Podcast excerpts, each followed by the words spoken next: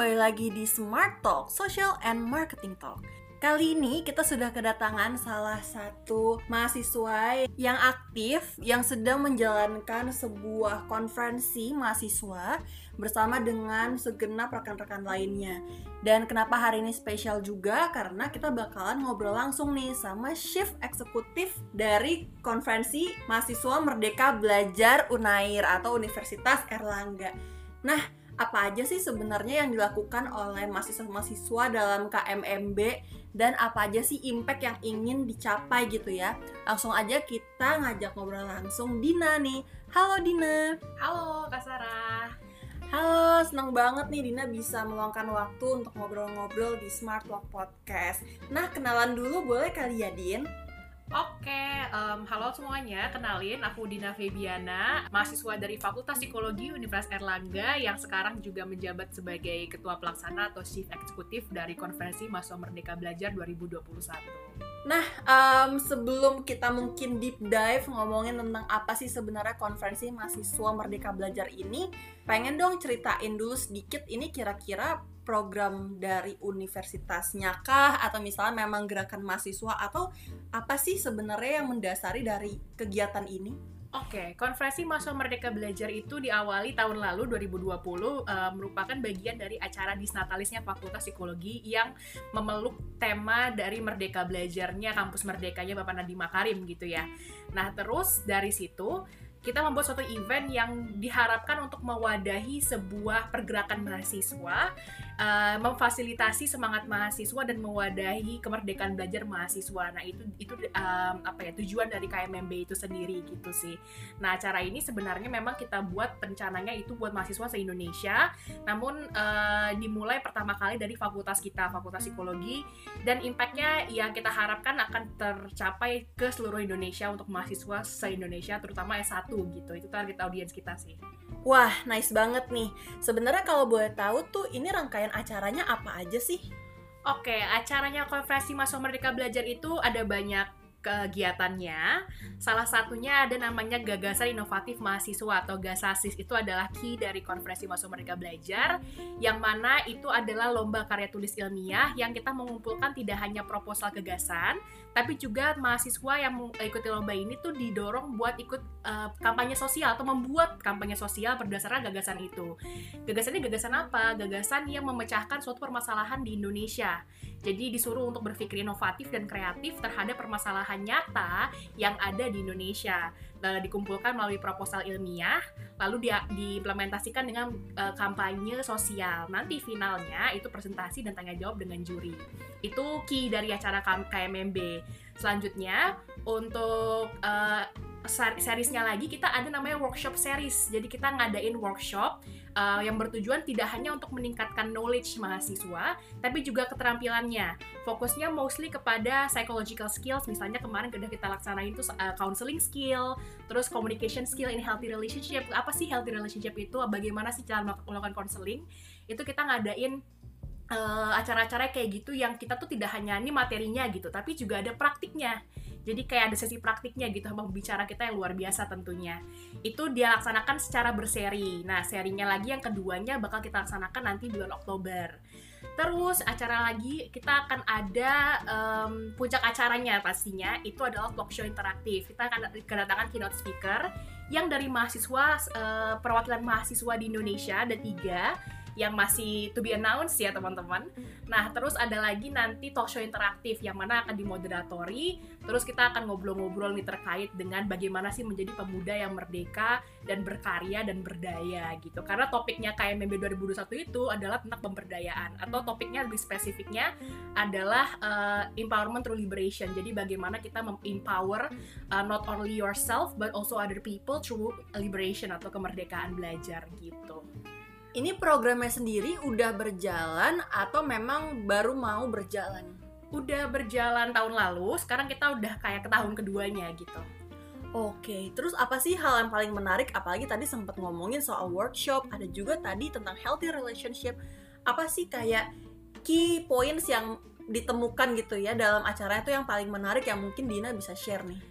Uh, key pointnya adalah ini wadah untuk mahasiswa S1 Indonesia untuk berkumpul dan mewujudkan dirinya untuk menunjuk diri gitu. Jadi kayak tempat semacam wadah untuk mahasiswa Indonesia untuk me menunjukkan mengaktualisasikan dirinya kalau bahasa psikologinya bahwa ini loh kami gitu uh, bahwa kita mahasiswa Indonesia itu uh, bisa berkarya dengan cara tadi proposal tadi atau dengan meningkatkan skill kita dengan workshop jadi ada semacam apa ya um, aktualisasi diri yang diberikan oleh mahasiswa yang ditunjukkan kepada masyarakat umum gitu. Hmm, menarik. Terus sebenarnya audiensnya ini tuh siapa aja sih yang disasar? Target audiensnya kita itu sebenarnya mostly mahasiswa S1 Indonesia, se-nasional ya, se-Indonesia dan juga mungkin remaja akhir yang sedang mau masuk kuliah. Jadi mungkin biar lebih ngelihat kalau setelah jadi lulus SMA nih, jadi mahasiswa sebenarnya perannya seperti apa sih, beban menjadi mahasiswa itu seperti apa, itu yang jadi target audiensnya juga itu gitu jadi dua itu oke okay, terus ngomongin dari sisi uh, yang lebih misalnya personal ya Din mm -hmm. Dina kan di tahun ketiga kuliah sekarang dan maksudnya mendapatkan opportunity untuk menjadi ketua pelaksana, pelaksana hmm. uh, konferensi mahasiswa Merdeka Belajar. Sebenarnya apa sih kayak challenges yang paling gede untuk bikin event segede ini, apalagi di tengah pandemi? Challenge-nya adalah how to make something engaging and new itu tuh challenge banget karena ini kita audiensnya belum seperti yang kita harapkan tentunya ya. Kita tahun kedua maybe uh, not a lot of people already know about this. Jadi kayak to reach the information kepada se Indonesia itu masih challenge buat kita gitu. Terus untuk mendesain acara yang engaging secara online yang ada interactionnya yang benar-benar meningkatkan engagement peserta itu susah banget sebenarnya. Jadi uh, we'll take it as it goes aja sih. Sebenarnya kita nggak terlalu mengharapkan yang kayak oke okay, saya pengen semuanya ini uh, nasional sampai dari Sabang sampai Merauke nyampe semua gitu. Enggak sih yang penting impactnya dapat bagi yang berpartisipasi. I think visi dari KMMB untuk tahun ini ya yang saya yang aku tentukan itu ya adalah kayak yang penting impactnya dapat buat orang-orang yang sudah berpartisipasi dan sudah tahu gitu aja sih. Langkah apa aja sih yang dilakukan dalam mempromosikan acara ini gitu uh, kita ada divisi publikasi marketing kan kita tuh ada uh, apa namanya publikasi melalui Instagram, TikTok sama uh, Twitter. Nah, Twitter ini kita bikin semacam thread-thread berhubungan dengan daily psychology yang beru yang kata harapannya mungkin kita nggak terlalu event promoting di sana tapi lebih kayak promoting psikologinya.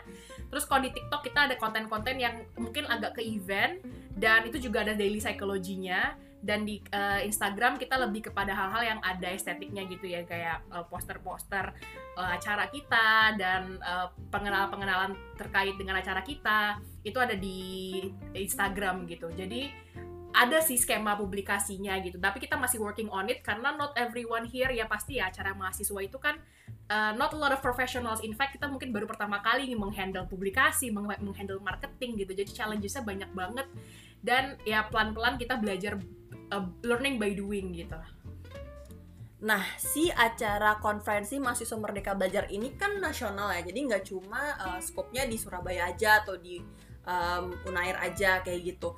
Gimana sih caranya biar menarik orang-orang yang dari fakultas lain, dari universitas lain, bahkan dari kota-kota lain untuk pengen nih join juga ikutin acaranya konferensi mahasiswa Merdeka Belajar. Oke, salah satu sub acara kita yang sedang kita on proses uh, dalam melakukannya itu adalah kita namanya kolaborasi universitas. Jadi kita juga ngajak beberapa universitas itu buat collab sama kita dengan benefit-benefit tertentu gitu ya. Jadi dengan harapannya selain kita membuka semacam uh, pekerja apa bukan ya ke, ke, kerjasama saling mutualisme gitu, kita juga apa namanya berusaha untuk mencapai informasinya tersebut uh, lebih jauh gitu. Sekarang kita lagi proses mau kerjasama dengan salah satu universitas Bandung gitu. Jadi harapannya nanti in, informasinya itu nggak hanya di Surabaya doang, tapi juga ke Bandung nyampe atau ke Jawa Barat gitu. Jadi kita prosesnya itu sih, tapi itu pun juga sebenarnya sedikit sulit gitu karena nggak semua uh, universitas itu paham terkait dengan uh, the extent of kerjasama dengan universitas lain itu seperti apa karena ini new sekali kepanitiaan yang kerjasama dengan universitas lain biasanya kan kayak sekarang kita kan belajar nih uh, di kampus Merdeka ya Pak dan di Makarim itu kan kita sekarang udah bisa kuliah di universitas lain gitu atau bahkan di fakultas lain. Untuk satu mata kuliah atau dua mata kuliah kita pikir kenapa sekarang nggak bisa kepanitiaan di luar gitu? Dengan kita mengadakan kerjasama dengan mereka mereka juga ada semacam involvement dengan acara kita yang notabene juga acara nasional. Jadi kita berusaha untuk melakukan breakthrough tersebut dengan ngadain kolaborasi universitas. Itu sih upaya kita juga buat reach out informasinya ke luar-luar daerah gitu dengan ngadain kolaborasi dengan univ lain. Hmm. berarti ini sebenarnya untuk panitia sendiri dia udah udah terbentuk ya berarti? Udah Nah, kalau misalnya ngomongin soal managing people atau managing team yang notabene ini acaranya skala nasional besar gitu ya, pasti kan nggak mudah. Nah, apa aja sih sebenarnya suka dan duka yang Dina rasain untuk menjadi ketua pelaksana dalam acara yang skalanya segede ini? Oke, okay, um, dukanya dulu mungkin ya. Dukanya itu, I think it's hard to manage um, people in general sebenarnya ya. Karena ini pertama kalinya juga untuk dapat amanah sebesar ini, memanage um, sekitar 50 panitia, belum lagi dengan yang udah kolaborasi juga kita manage mereka juga biar uh, sesuai dengan harapan kita gitu ya dengan MOU yang sudah kita buat. Terus apa namanya? Dengan itu mungkin dukanya adalah kayak satu manajemen waktunya juga sulit gitu. Dalam artian uh, ketua itu kan nggak cuman kayak nyuruh-nyuruh doang. Kita juga masuk ke dalam divisi tertentu kita ngajak mereka rapat bahkan mungkin ada divisi yang lagi ada kendala harus kita mediasi kita support kita dukung mereka nge-reach out terus. Misalnya butuh bantuan ini butuh bantuan itu kita selalu ada untuk ngebantu kan. Tapi kan terkadang energi kita terbatas gitu buat ngebantu eh, divisi kita yang ada tujuh atau delapan gitu. Yang kayak setiap setiap manajernya itu harus di dipantau, harus disupport, harus uh, berusaha untuk apa yang mereka lakukan tuh align dengan visi misinya KMMB. Itu tuh harus dipastikan hal-hal detail kayak gitu tuh sebenarnya sebenarnya susah. Apalagi dari manajer pun kita juga harus memastikan bahwa kondisi manajer dengan bawahannya dengan staff-staffnya juga aman gitu. Jadi itu adalah tough thingnya sih dan uh, I, I can't say that I'm perfect on that karena baru pertama kalinya banget gitu loh megang jabatan sebesar ini yang ngebawahi uh, ngatasi banyak banget orang yang diverse juga dari angkatan yang berbeda-beda ada yang lebih tua bahkan uh, bawahan uh, apa staff-staffnya uh, staffnya Dina. Jadi kayak uh, sulit gitu sebenarnya untuk manajemen energi manajemen waktu manajemen um, terkait dengan pembagian pembagian fokus kepada divisi ini sebesar apa, divisi itu sebesar apa, dan memastikan semuanya align dan sinergis gitu uh, sukanya mungkin jadi belajar gitu ya. Dari semua itu itu kan experience banget ya. Untuk kayak oh ternyata ada orang-orang yang seperti ini. Ada orang yang mungkin kita lebih nyaman approachnya seperti ini. Ternyata orang-orang seperti ini itu nggak bisa kerja sama orang-orang yang seperti itu. Walaupun misalnya secara wawancara mereka bilangnya kayak nggak bisa kerja sama orang yang kayak mana. Ya bisa aja kerja sama semuanya. Tapi kenyataannya ternyata oh kayaknya dia nggak cocok deh sama orang-orang seperti ini. Itu kelihatan kan pas uh, real life-nya gitu. Nah kita harus memanage itu. Gimana nih caranya? Aduh uh, manajer ini menghandle uh, konflik ini ternyata tidak terlalu bagus. Manajer ini ternyata agak konflik dengan manajer lain sambat-sambat atau ada ada kayak perasaan kayak ih kok dia kerjanya kayak gini sih? Uh, hal-hal seperti itu. Kita jadi belajar untuk kayak gimana caranya memanage konflik-konflik interpersonal seperti itu gitu kan. Dan itu by experience. Jadi terkadang juga kita nggak terlalu ngeplan how to do it tapi itu jalan aja gitu loh. Dan dengan itu jadi belajar oh next time mungkin kalau ada orang yang seperti ini kita mungkin approachnya seperti itu gitu. Walaupun mungkin itu nggak perfect tapi uh, it's something gitu yang uh, kita usahakan untuk memastikan urusan interpersonalnya aman. Itu sih belajar banyak banget sebenarnya.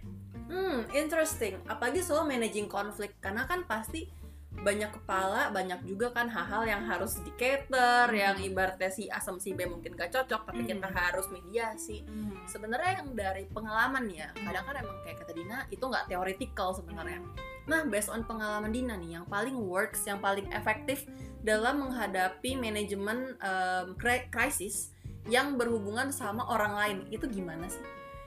Uh, yang paling work itu adalah pertama kita harus try to put uh, ourselves in both of them their positions gitu loh. Memastikan bahwa oke okay, we get where both of you coming from dan berusaha untuk tidak menyalahkan persep persepsinya mereka terhadap situasi. Karena at the end of the day everyone have their own perceptions about things. Kita nggak bisa memaksakan mereka untuk berpikir sesuai persis dengan apa yang kita harapkan atau dengan orang lain harapkan. There's something that we have to acknowledge that we're not gonna be able to change jadi caranya adalah dengan memastikan bahwa dari dua persepsi tersebut masih ada titik temunya gitu. Dan kita berusaha untuk mengelevate dari titik temu tersebut kita encourage dari ini loh sebenarnya tujuan kalian tuh sebenarnya sama yaitu ini. Tapi persepsi kalian aja berbeda. Nah ayo kita coba fokus kepada ini coba kita ngomongin baik-baik jangan ada sungkan-sungkanan jangan ada takut-takutan kita ngomongin baik-baik terbuka um, kita di sini santai nggak ada yang kayak senioritas dalam artian kayak oh dia lebih tua aku nggak enak gitu. Kita terbuka aja tapi di satu sisi juga sopan. Jadi kayak jangan sampai karena kita sejajar gitu akhirnya ada ketidaksopanan antar angkatan gitu ya misalnya antar umur itu juga kita berusaha untuk uh, respectful but also flexible gitu. Nah itu sih. Jadi kita mengelevate dari uh, titik temunya kedua pers uh, perspektif tersebut dan itu adalah pinter-pinternya dari ya aku gitu ya dalam menemukan titik temu dari kedua kepala yang berbeda itu gitu. Hmm. Ada nggak sih yang paling susah gitu? Yang kayaknya nih susah banget dapet titik mediasinya. Uh, sejauh ini belum ada sih. Kayak mungkin pun misalnya ada, terkadang ada pihak yang mungkin cenderung lebih kayak oh, oke okay, ini nggak bisa nih jadi kita we agree to disagree aja gitu dan terkadang daripada kita berusaha menekan pada permasalahan-permasalahan uh, yang sekiranya malah kalau dipaksain itu jadi makin besar terkadang kita oke okay, kita agree to disagree aja tetapi pastikan bahwa uh, kita masih ber proses dalam prof, uh, dalam perspektif yang profesional di sini. Jadi walaupun misalnya oke okay, saya nggak align nih sama dia, tapi kita agree to disagree. Buat pokoknya visi kita satu yaitu menyukses, menyukseskan acara ini. Gitu itu itu itu udah titik temu yang satu-satunya yang pasti bisa menyelesaikan itu sih sebenarnya. Ada nggak sih hal yang paling bikin burnout dalam event management? uh, tentunya tadi kembali ke managing people-nya itu ya. Kayak kita tuh sebenarnya susah untuk tadi manajemen people manajemen waktu dan semua energi. Semuanya tuh akhirnya kembali kepada bagaimana kita memanajemen energi gitu kan. Nah itu sebenarnya sulit karena selain jadi misalnya nih aku sendiri sebagai chief executive atau kalau ketua pelaksana KMMB tapi juga sebagai ketua dari PKKMB Universitas eh, fakultas. Terus juga ada wakil kepala departemen di uh, BEM gitu. Jadi kayak managing se all of those events yang kita juga prioritasnya overlap gitu. Jadinya gimana caranya untuk managing energies? Gak hanya waktu aja tapi energi kita untuk kesemuanya itu biar dapat gak hanya itu aku pun juga kuliah kan. Jadi kayak semuanya itu harus dapat gitu. Jadi tuh burnoutnya adalah di saat kita nggak bisa ngerasa bahwa uh, this is something that I can do without reward gitu. Maksudnya kayak ternyata tuh kita ngerasa kalau misalnya acara uh, at the end of the day kayak apa sih yang aku lakuin ini kenapa sih kayak hmm. susah buat kayak sometimes to find the meaning of on what we do gitu ya kayak what is the value gitu iya ya? kayak kenapa sih kayak akhirnya jadi susah banget buat kayak uh, terkadang tuh ada momen burnout yang kayak aduh capek banget kerja ini semua why why am I even here gitu mm -hmm. ya kan tapi terkadang saat kita coba berusaha untuk uh, kembali lagi gitu ya berpikir why you started this why did you accept the role at the first place dan find meaning on what uh, you do gitu ya on every single aspect yang ada di uh, prioritas aku sendiri gitu. Jadi kayak mulai kayak oke okay, fine I did this for self development I did this for self empowerment I did this for a lot of apa ya tanggung jawab yang diberikan atau amanah oleh teman-teman yang misalnya melanjutkan acara ini dari tahun lalu gitu. Jadi kayak berusaha untuk be mindful aja of everything that uh, been given to me. Jadi dengan harapan bahwa ini bakalan berdampak uh, positif untuk ke depannya. Jadi itu sih uh, sebenarnya dinamikanya. Hmm. Nice. Is it rewarding though at this point? Uh, to be honest yes, karena I think the uh, culture of appreciation di fakultas psikologi itu sangat besar ya. Jadi kayak terkadang kita itu hal-hal kecil yang kita lakukan itu sangat diapresiasi, sangat dilihat, sangat di pokoknya di ya rewarded by their action gitu loh kayak oh aku ngeliat kamu kemarin ngelakuin itu keren banget hmm. kayak membe keren banget kayak dari KM-KM psikologi juga kayak aduh membe uh, we're so excited for that. Mereka partisipasi dengan workshop yang udah kita laksanakan partisipasi dengan lombanya nanya-nanya. I think that alone adalah suatu apresiasi juga nggak hanya itu dari dosen-dosen pun misalnya. Mereka kayak KMMB keren banget tahun lalu tahun ini harus lebih keren lagi. Mereka support mereka turun tangan buat ngebantu KMMB yang notabene acara lain mungkin mereka nggak terlalu involved gitu. Jadinya kita juga ngerasa kayak oke okay, we can do this. Mereka udah banyak ngebantu banyak support yang mengelilingi KMMB so how do we make this into something yang beneficial kembali lagi ke everyone that is involved gitu. Benar-benar. Karena at the end of the day ya nggak ada juga dong orang yang benar-benar pengen cuma ngelakuin hal yang capek tapi nggak dapet apa-apa kan? Iya, kayak altruismnya mungkin gak siap, belum nyampe segitu sih aku. benar-benar benar-benar kayak nggak juga semua pengen volunteer without dapet something gitu Iya, at the end of the betul. day. Bener sih nah kalau misal dalam event management sendiri kan kayak tadi Dina sempat mention time management tuh salah satu hal yang challenging juga pastinya. Di samping kuliah juga di samping juga ada banyak kegiatan yang mungkin gak cuma KMMB sebenarnya ada nggak sih tips yang paling works nih dalam diri Dina untuk bisa membuat time management yang oke lah? At least works for you. I think what works adalah pertama know your priorities. Where yours, uh, where is your priorities? Ke mana prioritas kamu itu pertama gitu. Misalnya kayak pertama nih kuliah itu nggak bisa diganggu gugat. Ya udah gitu. IPK nggak boleh jatuh. Apa pun itu secapek-capeknya itu IPK nggak boleh jatuh. Itu kayak komitmen. Selanjutnya apa nih? Selanjutnya ketua ini, ketua itu, uh, BEM dan lain-lain seberapa persen sih prioritasnya gitu. Nah setelah itu apa? Setelah udah udah men-set prioritas itu adalah komit kepada itu. Dan sense of commitment itu adalah hal yang paling penting untuk bisa manajemen segalanya. Karena kalau kita udah nggak komit dari prioritas tersebut, itu kita susah banget buat kayak bisa menjalankan itu karena kita ngerasa kayak kita nggak ada attachment dengan skala yang kita buat itu gitu kalau. Jadi kalau kita udah kayak oke saya komit dengan itu, maka juga kita akan ada ngerasa bahwa aku nggak bisa nih lalai gitu aja. Oke, burnout sekali-kali atau kadang merasa males, mager, mungkin agak ogah-ogahan, itu hal yang relatif normal lah ya. I think we're just human gitu. Tapi di saat kita punya sense of commitment yang tinggi, gimana pun caranya, we can always want to make this work. At the end of the day, we always want to make this work. Ada semacam sense of kayak komitmen bahwa I want to do this till the end, till the very end, uh, regardless of how tired I am, how exhausting it is. Pokoknya I'm committed myself to make this work. Itu tuh kayak sense of commitment itu paling tinggi. Dan setelah itu perilaku kita bakalan lanjut. Karena kalau kita nyambung ke psikologi ya, ada namanya sikap. Sikap itu adalah di saat kita aspek kognitif kita sama aspek afektif kita jadi kayak pikiran dan perasaan kita itu uh, akan merepresentasikan nanti akan berdampak kepada perilaku kita atau sikap kita terhadap hal tersebut.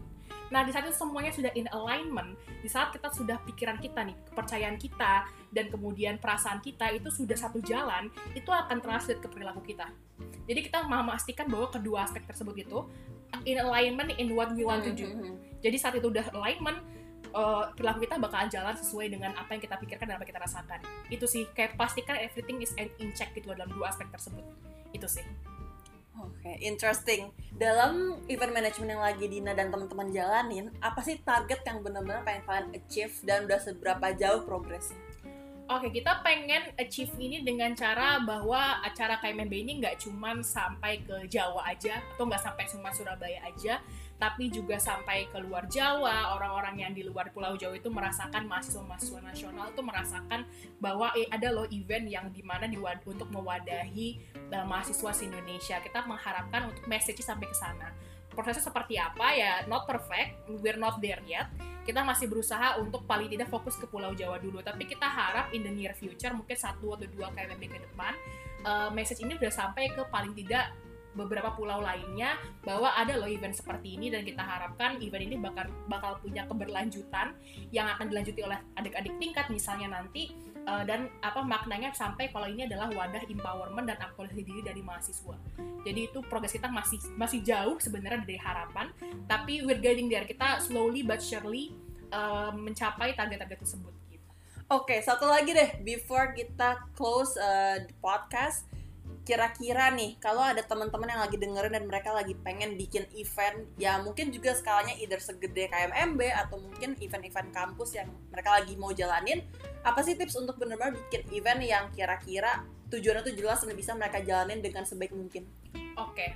pertama adalah know why you did it kenapa pengen ada di event tersebut tuh harus ada dulu kayak apa sih semangat dari event itu sebenarnya apa kalau udah punya itu pastikan bahwa itu bisa ter uh, apa ya ter terkatakan dengan kata-kata gitu, terekspresikan dengan kata-kata gitu, ada visi misinya sendiri.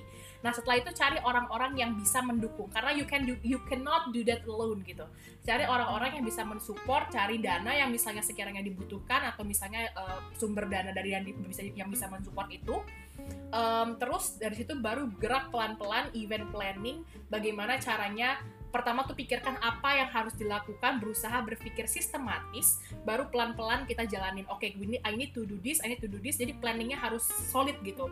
Setelah walaupun terkadang not everything will will, will be going towards the plan ya. Kadang pasti plan itu berbakalan belok kanan, belok kiri, mencong-mencong.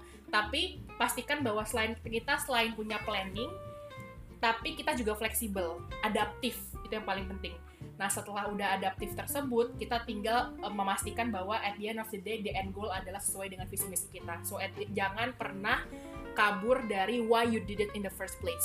Kalau itu udah mantep, insya Allah acaranya ke depannya bakalan sejalan terus. At least end goalnya pasti di situ.